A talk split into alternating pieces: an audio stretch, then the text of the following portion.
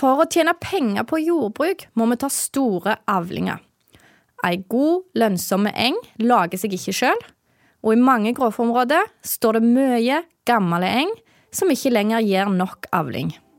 Ekrene de var i dårlig forfatning, så Derfor uh, måtte vi til med en veldig stor snuoperasjon da, så ble et stort skippertak. Men uh, det har jo båret frukter. Uh, begynner med å se nå først, egentlig, en del år etterpå. Dette er Vidar Mokleiv.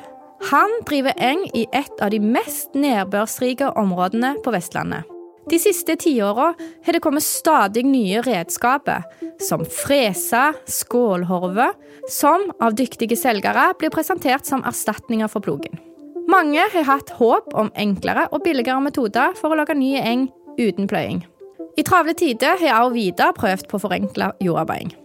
Det ble frest med direkte såing, eh, men det ble så harde skorper, topplaget i jorda, at eh, det, det ble veldig dårlig dreneringsevne på jorda etterpå, og ekrene det gikk utrett seg fort. Så det er egentlig ikke aktuelt at det skal noe jord, fres i jorda som meg noe mer, uten at jeg knekker begge beina eller noe. Plogen har hos enkelte fått et dårlig rykte.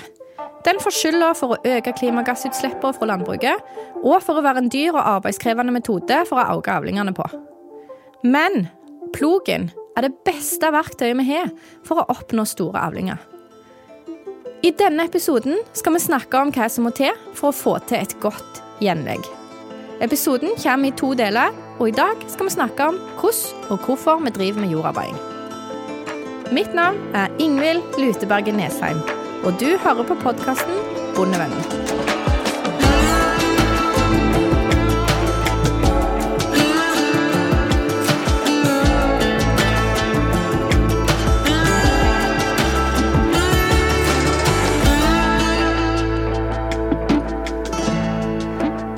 Podkasten Bondevenn blir presentert i samarbeid med Sparebank1 SR-Bank og Tveit Regnskap.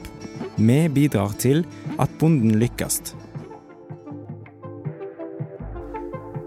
Låge avlinger har som regel ei hovedforklaring. For gammel eng. Ei gammel eng full i villgras den vil aldri kunne gi like god avling som ei ny eng med høytytende, foredla grassorter. Du hører nå på Magnus Haugland. Det kan være fristende å tenke at siden gresset vi sådde for noen år siden har daua ut, så er det nok å gjøre området svart med hva som helst redskap, og for så å strø på ei frøblanding. Når vi skal fornye enga, så skal vi òg benytte anledningen til å løse flest mulig av de problemene som oppstår gjennom noen år med drift av enga. Det største problemet vi har, er som regel jordpakking. Plogen er det eneste redskapet vi har som løser opp jordpakking. Forenkla jordarbeiding vil si at vi kutter ut plogen. Hvorfor plogen gir gode avlinger, det skal vi komme tilbake til seinere i denne episoden. Jordpakking gir lågere avlinger, og gjør at gode kulturplanter dør ut nokså raskt. Enga går fort ut, som var Vidar sin erfaring når han prøvde forenkla jordarbeiding med bruk av fres. Vi som rådgivere vi ser tydelig forskjell på eng som er fornya med pløying, eller eng som er fornya med forenkla jordarbeiding. Avlinga vil jo gå ned uansett etter hvert som enga blir eldre, men hun kan gå ut på ulike måter. Vi ser innimellom at eldre eng kan gi greie avlinger, selv om den er 6-7 år gammel. Da er det som regel kveka og eng eller markrapp som har overtatt. Dette er grasarter som i kombinasjon forteller om en grei jordstruktur og god kalktilstand. Men der det er brukt f.eks. fres, og det er jordpakking, så får vi, iallfall her på Vestlandet, inn krypsoleia, knereverrumpe, tunrapp og i verste fall søtmannagass.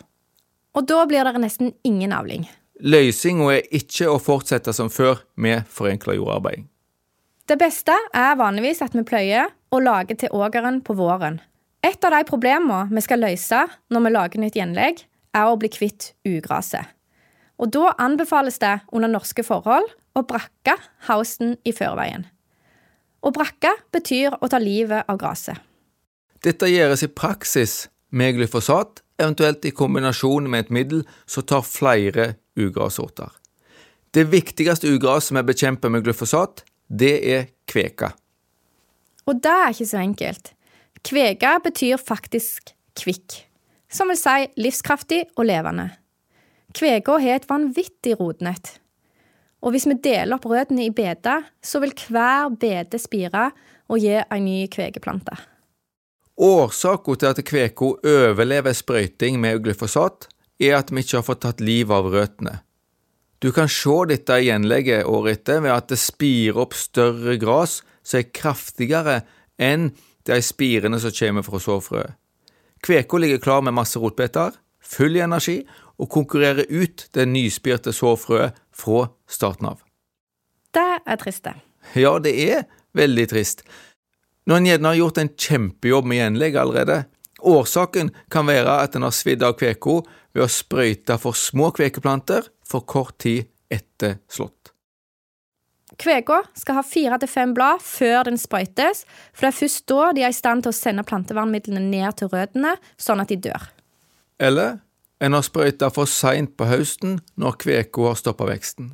Hovedregelen er at september er rett måned å høstbrake. Men glyfosat tar jo ikke alt. Nei, den tar ikke høymåler så godt som høymålemidlene, og krypseleia, altså smørblomst, har en tendens til å overleve. Men de får vi tatt med plogen. Ja, hvis du pløyer, så tar en mye ugras. Du trenger eksempel ikke tenke på sprøyting og krypseleia hvis du er flink med plogen. Om en ikke pløyer, så krever det mye mer og grundigere sprøyting for å holde ugraset i sjakk. Ei ulempe med Brakkamhausen er at det går utover jordlivet. En ser jo at mengden meitemark går noe ned. Dette forklares med at mangelen på grønne planter gir mindre mat til jordlivet. Men fordelene med å brakke om høsten de er kjempestore. Og vi kan vente til våren med å brakke for å ta vare på makken. Absolutt, men da kommer du mye senere i gang med gjenlegget, for kveka har ofte ikke fire-fem blad før uti mai en gang. Ja, da taper vi jo veldig mye avling i gjenleggsåret. Og er det sånn at du av erfaring får ei rufsete pløksle, da er det en fordel om torva har ligget og daua og råtna gjennom hele vinteren. Ellers får du mye vanskelige torver å jobbe med i gjenlegget. Det er enighet om at vi får litt nitrogentap når vi brakker om hausten. Proteinet i grønne planter vil jo brytes ned til nitrogenforbindelser når plantene dør. Og nitrogenforbindelser de bindes lite til jord, og de kan lett vaskes ut gjennom vinteren. Det er akkurat det samme problem som den tidligere i økologisk produksjon pløyde ned proteinrik kløver på høsten. Plantene daua og frigjorde nitrogen utover vinteren, mens gresset som skulle ta opp næring, ikke ble sådd før på våren, og da var nitrogenet allerede vaska vekk. Men dette utgjør ikke så mye rent økonomisk her i Norge, som har lov å gjødsle med så mye nitrogen vi vil. Én kilo nitrogen koster vanligvis rundt 15 kroner. I de dyreste årene er vi oppe i 35 kroner. Men dette er jo bare småpenger i forhold til hva det koster å snu enga. Kalking er mye viktigere. Denne episoden er sponsa av Felleskjøpet Rogaland Agder. Felleskjøpet har løsninger som gjør din grasproduksjon mer lønnsom. Snakk med våre konsulenter, eller gå inn på nettsidene våre bondekompaniet.no. pH skal godt opp på 6-tallet. Én plass mellom 6 og 6,5 i gjenleggsåret. Ligger pH under dette, må det kalkes, sånn at du har litt å gå på gjennom engåra. Er jorda sure med pH langt ned på femtallet, så blir det ikke skikkelige avlinger. Avlingene blir da varende lave, og grasartene må ha brukt masse penger og krefter på å etablere. De dør ut ganske så fort. Her på Vestlandet kreves det ekstra mye kalk. Her er det mye nedbør, som vasker vekk kalsiumionene fra jorda, og kalsium det er hovedbestanddelen i kalk. Og gresset tar til seg enorme mengder kalsium, som blir ført vekk med avlinger. Det gjelder for så vidt korn òg, selv om kornavlingene alltid er mye lavere enn grasavlingene. Det er tabeller for hvor mye kalk du skal tilføre, men tommelfingerregelen er kjør på et tonn med kalk eller en kubikk skjellsand per dekar når pH ligger på 5,5. Da klarer du gjerne å heve pH til rundt 6,5. Men noen ganger er jo jorda surere enn det. Og da må kalkinga økes og deles i to. En runde før og en runde etter at du har plødd. Til eng bruker vi skjellsand eller kalk i bulk, altså i lausvekt. Kalk i sekk blir i dyrest laget, og vi ser ofte at entreprenører har gode avtaler med kalkfirmaene. Så du får ofte kjørt ut kalken til samme pris om du får levert et lass i en dunge på tunet, enn om en entreprenør kjører det ut for deg. Så bruk oftest entreprenør. Vi må nevne magnesium. Se på jordprøvene om det mangler magnesium, og bruk grov dolomitt som kalkingsmiddel om du har for lite magnesium. Mangel på magnesium kan være problematisk både for gresset og for dyrehelsa. Det er en kjempefordel å gjøre unna mest mulig av traktorkjøringa på enga før du skal til å pløye. Da unngår du å pakke jorda etter at du har pløtt. Så er det om å gjøre å få gjøre mest mulig av eh, ting som kan tenkes gjøres. F.eks. å rydde langs ekekanter og alt sånt. Så da tar vi skikkelig i. Eh, når du tror du har tatt nok, så tar du alltid litt til. Eller så er det to år, og så henger greiner og alt inngjennom i bøen. Vidar snakker om fjerning av skog og kratt som vokser inn over enga og stjeler areal. Dette blir det mye av på litt små, krokete teiger. På et stykke på 20 dekar, med en del kroker og buktinger, så kan ytterkanten fort utgjøre halvannen kilometer. La vi skogen stjele en meter og to av dette arealet, mister vi mye avling.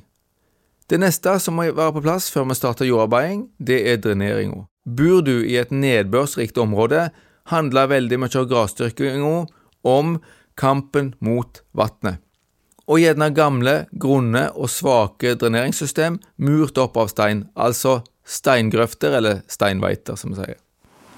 Grav de opp, få de vekk, og så eh, er du ferdig med det for evig og alltid. Så Derfor er det da å få det med seg, grave vekk de gamle, gamle steinveitene og kisteveitene hvis du skal borti det. Grave det vekk, være sikker på at du kommer helt unna alt sammen, at du får eh, renska bunnen. For den kan være luren, og det har jeg blitt lurt på flere ganger. At ikke vi har fått med det djupeste sjiktet av steinsette veiter og sånt. Så da kommer det opp igjen, og så er det å begynne på nytt igjen. Aller viktigste av alt er å ha et godt utløp og vite hvor du ender den grøfta. Uh, enda aldri ei grøft, nye grøft inn i ei gammel grøft som du tror er i orden. Går en eh, heller ut i ytterkant hvis det lar seg gjøre. og får en ny grøft hele veien. For det som en ofte tror fungerer, har gjort, og så tilfører du nye mengder, så går det fort galt. Vidar er ikke nådige mot gamle grøfter, og det er et godt poeng. Skal vi drive stadig større arealer med stadig høyere krav til avling, kan vi ikke ha en masse eng med gamle steinveiter som ikke tåler verken plog eller traktor. Når du skal jordarbeide, bør du ikke starte før jorda har tørket opp skikkelig. Og på våren så går jo opptørkinga veldig seint, sjøl der grøftene er i orden.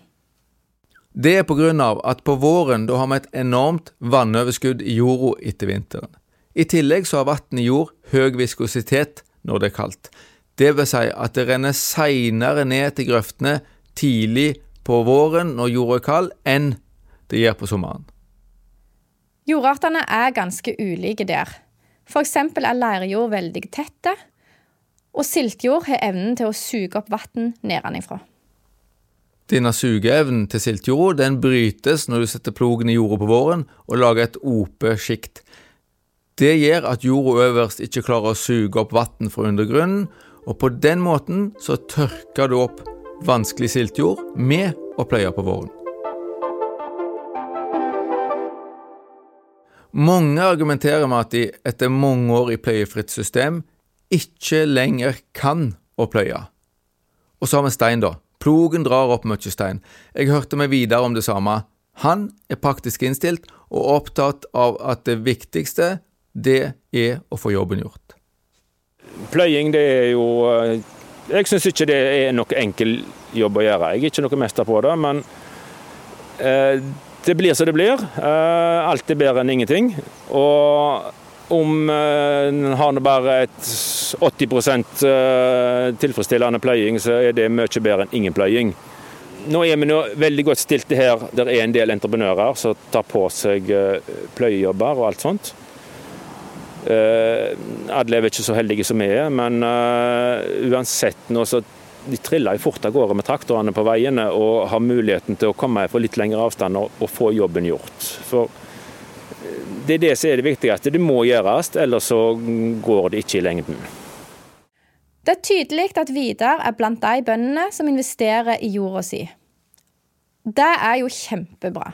Det gir han ei jord som er enklere å drive i framtida, både for han sjøl og for de som skal drive jorda etter han. Og så kan han jo vise til resultater. Økonomien har gått bedre i når han har fått tatt store avlinger og nå slipper å kjøpe eller kjøre milevis for å skaffe små grasavlinger. Og så viser det på resultatene i fjoset. Vi tok en kikk i kukontrollen, og dyra hans melkebærer på en mindre andel kraftfôr enn før. Og det er god økonomi.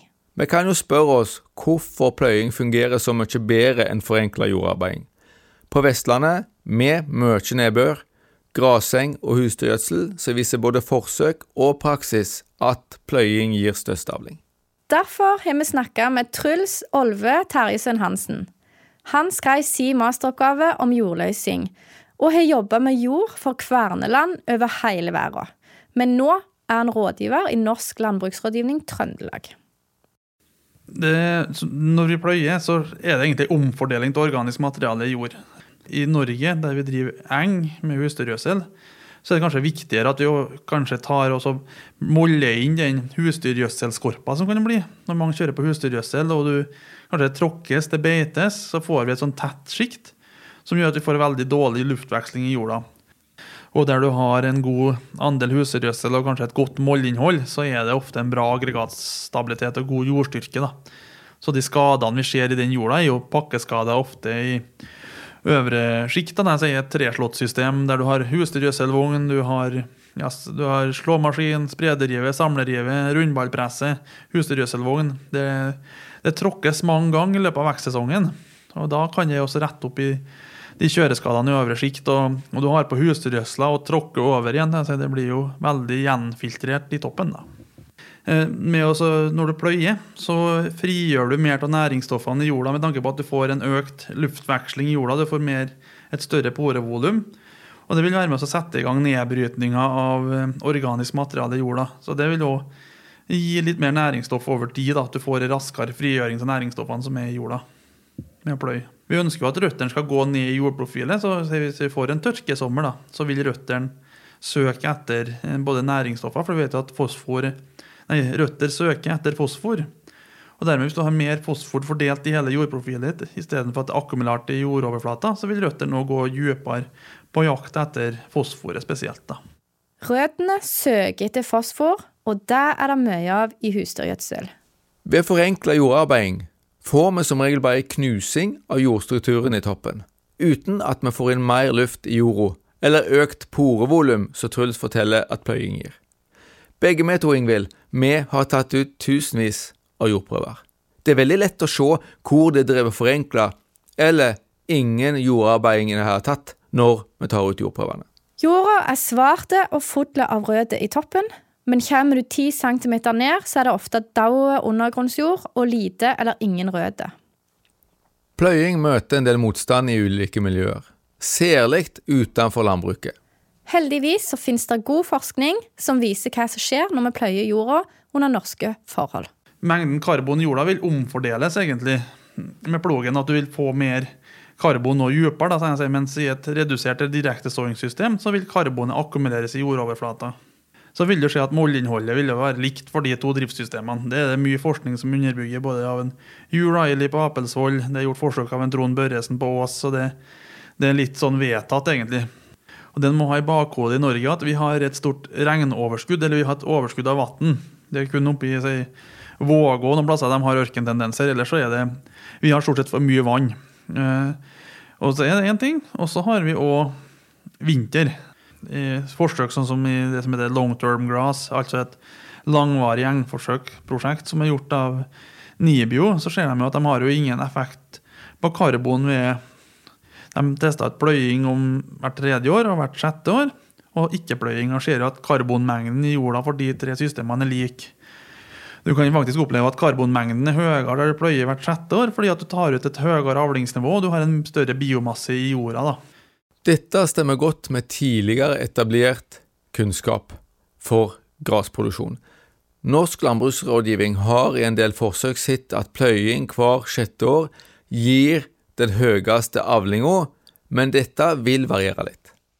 Ja, for jeg har jo lært at det lønner seg å pløye hvert femte år, og i Danmark anbefaler de hvert fjerde år. Om en klarer å ta store avlinger i gjenleggsåret, så kan en forsvare hyppigere pløying, men i områder med mye timoteiing og bare én slått i gjenleggsåret, da gjelder hvert sjette år, og det er jo realiteten for veldig mange. På Jæren og andre områder med lang vekstsesong bruker mange reigras, som gir stor avling ifra er nysådd. Og mange bruker i tillegg dekkvekst som korn og arter, og øker på den måten avlingen i gjenleggsåret. Men det skal vi snakke mer om i del to av denne episoden. Det mest spennende er jo at høy avling gir mer karbon i jorda, noe vi òg ser fra gjødslingsforsøk. Gjødselareal gir mer karbon i jorda pga. mer plantemasse. Vi har ennå ikke fått snakke om lortakjøringa. Det er jo lurt å gjøre før vi pløyer. I områder som sier våte områder med mye tilgang på husdyrgjødsel, så vil jeg pløying om eller at du kjører på husdyrgjødsla først. Eh, da har du jo ofte bæresterk jord, spesielt på myra, for da får du kjøre på torva. Så det er mye lettere å komme ut på med plogen og, og reparere litt pakkeskader, sier fra husdyrgjødselungen. Eh, plogen reparerer ganske mye pakkeskader, ser vi i tråkkskadeeng. Skitten bør helst ut før en pleie, av forskjellige grunner. Truls argumenterer for at jordpakking for tung skittvogn da løses med pløyinga. Vidar kjørte ut skitten med slangeutstyr, så jordpakkinga er lita, men han argumenterer likevel med at det blir veldig vått og kleise om en horver inn skit i toppen, og det går lang tid før det tørker opp. Derfor kjører òg han før pløying. Bare husk på at når vi kjører ut skit på pløyd areal, er det krav om at skiten skal måles ned innen 18 timer. Det krysser vi av for i KSL-revisjonen hvert år. Nå har vi jo snakket om hva vi skal gjøre fram til vi har plødd. Lenger kommer ikke i dag. I neste episode skal vi snakke om hva vi gjør videre etter pløying, og fram til vi har et ferdig gjenlegg. Kan ikke du oppsummere litt, Ingvild? Fornying er nøkkelen til å ta ut store avlinger i enga. For å lage et godt gjenlegg så må vi pløye. Når vi er i gang, så skal vi fikse grøfter, fjerne kantvegetasjon og ugras. Brakking gjør det enklere å lykkes fordi du blir kvitt kvega og seig torv. Uten nok kalk nytter det bare ikke. Så er jorda di sure, så må du kalke både før og etter pløying. Gjør du en skikkelig jobb med jorda di, så får du ei jord som er enklere å drive framover, både for deg sjøl og for de som kommer etter deg. Lykke til! Du har hørt på podkasten Bondevennen. I studio Ingvild Luteberget Nesheim, rektor ved Vinterlandbruksskolen i Ryfylke. Og Magnus Haugland, lærer ved Vinterlandbruksskolen og rådgiver i Norsk landbruksrådgivning Rogaland. Har du spørsmål eller tilbakemeldinger til oss, så blir vi glad hvis du sender en e-post til podkast.bondevennen.no. Episoden er spilt inn i ABC Studio og lyden er av Stig Morten Sørheim. Vi høres.